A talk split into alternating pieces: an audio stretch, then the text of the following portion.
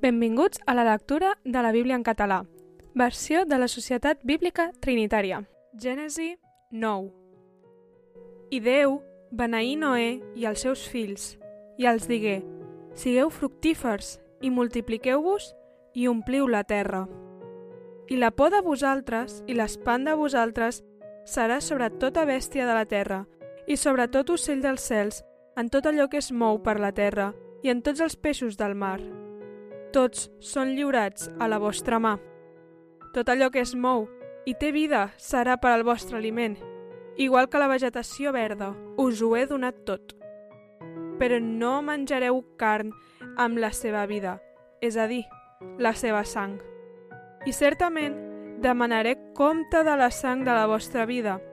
En demanaré compte a tota bèstia. En demanaré compte a l'home. Demanaré compte de la vida de l'home, a qualsevol germà seu. El que besi la sang de l'home, per l'home serà besada la seva sang, perquè a la imatge de Déu, Déu va fer l'home. I vosaltres, sigueu fructífers i multipliqueu-vos. Abundeu en la terra i multipliqueu-vos-hi. I Déu parlar a Noé i als seus fills amb ell dient, I jo, heus aquí, jo estableixo el meu pacte amb vosaltres i amb el vostre llinatge després de vosaltres. I en tots els éssers vius que són amb vosaltres, ocells, bestiar i totes les bèsties de la terra que són amb vosaltres, amb tot allò que ha sortit de l'arca, amb tots els animals de la terra.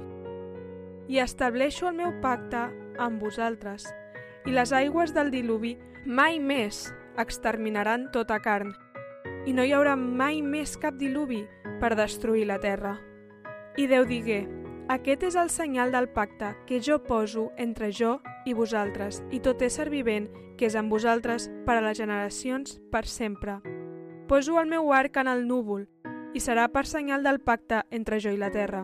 I esdevindrà, quan faci venir el núvol damunt la terra, que l'arc apareixerà en el núvol. I em recordaré del meu pacte que hi ha entre jo i vosaltres, i l'ànima de tota carn, i les aigües mai més no tornaran a ser un diluvi per destruir tota carn. I l'arc serà en el núvol, i el miraré per recordar el pacte perpetu que hi ha entre Déu i tota ànima de tota carn que hi ha damunt la terra. I Déu digué a Noé, aquest és el senyal del pacte que he establert entre jo i tota carn que hi ha damunt la terra. I els fills de Noé que sortiren de l'arca foren Sem, Cam i Jafet. I Cam fou el pare de Canaan. Aquests tres foren els fills de Noé, i a partir d'aquests fou poblada tota la terra. I Noé començà a ser un llaurador de la terra i plantar una vinya. I begué el vi, i s'embriagà, i es despullà dins de la seva tenda.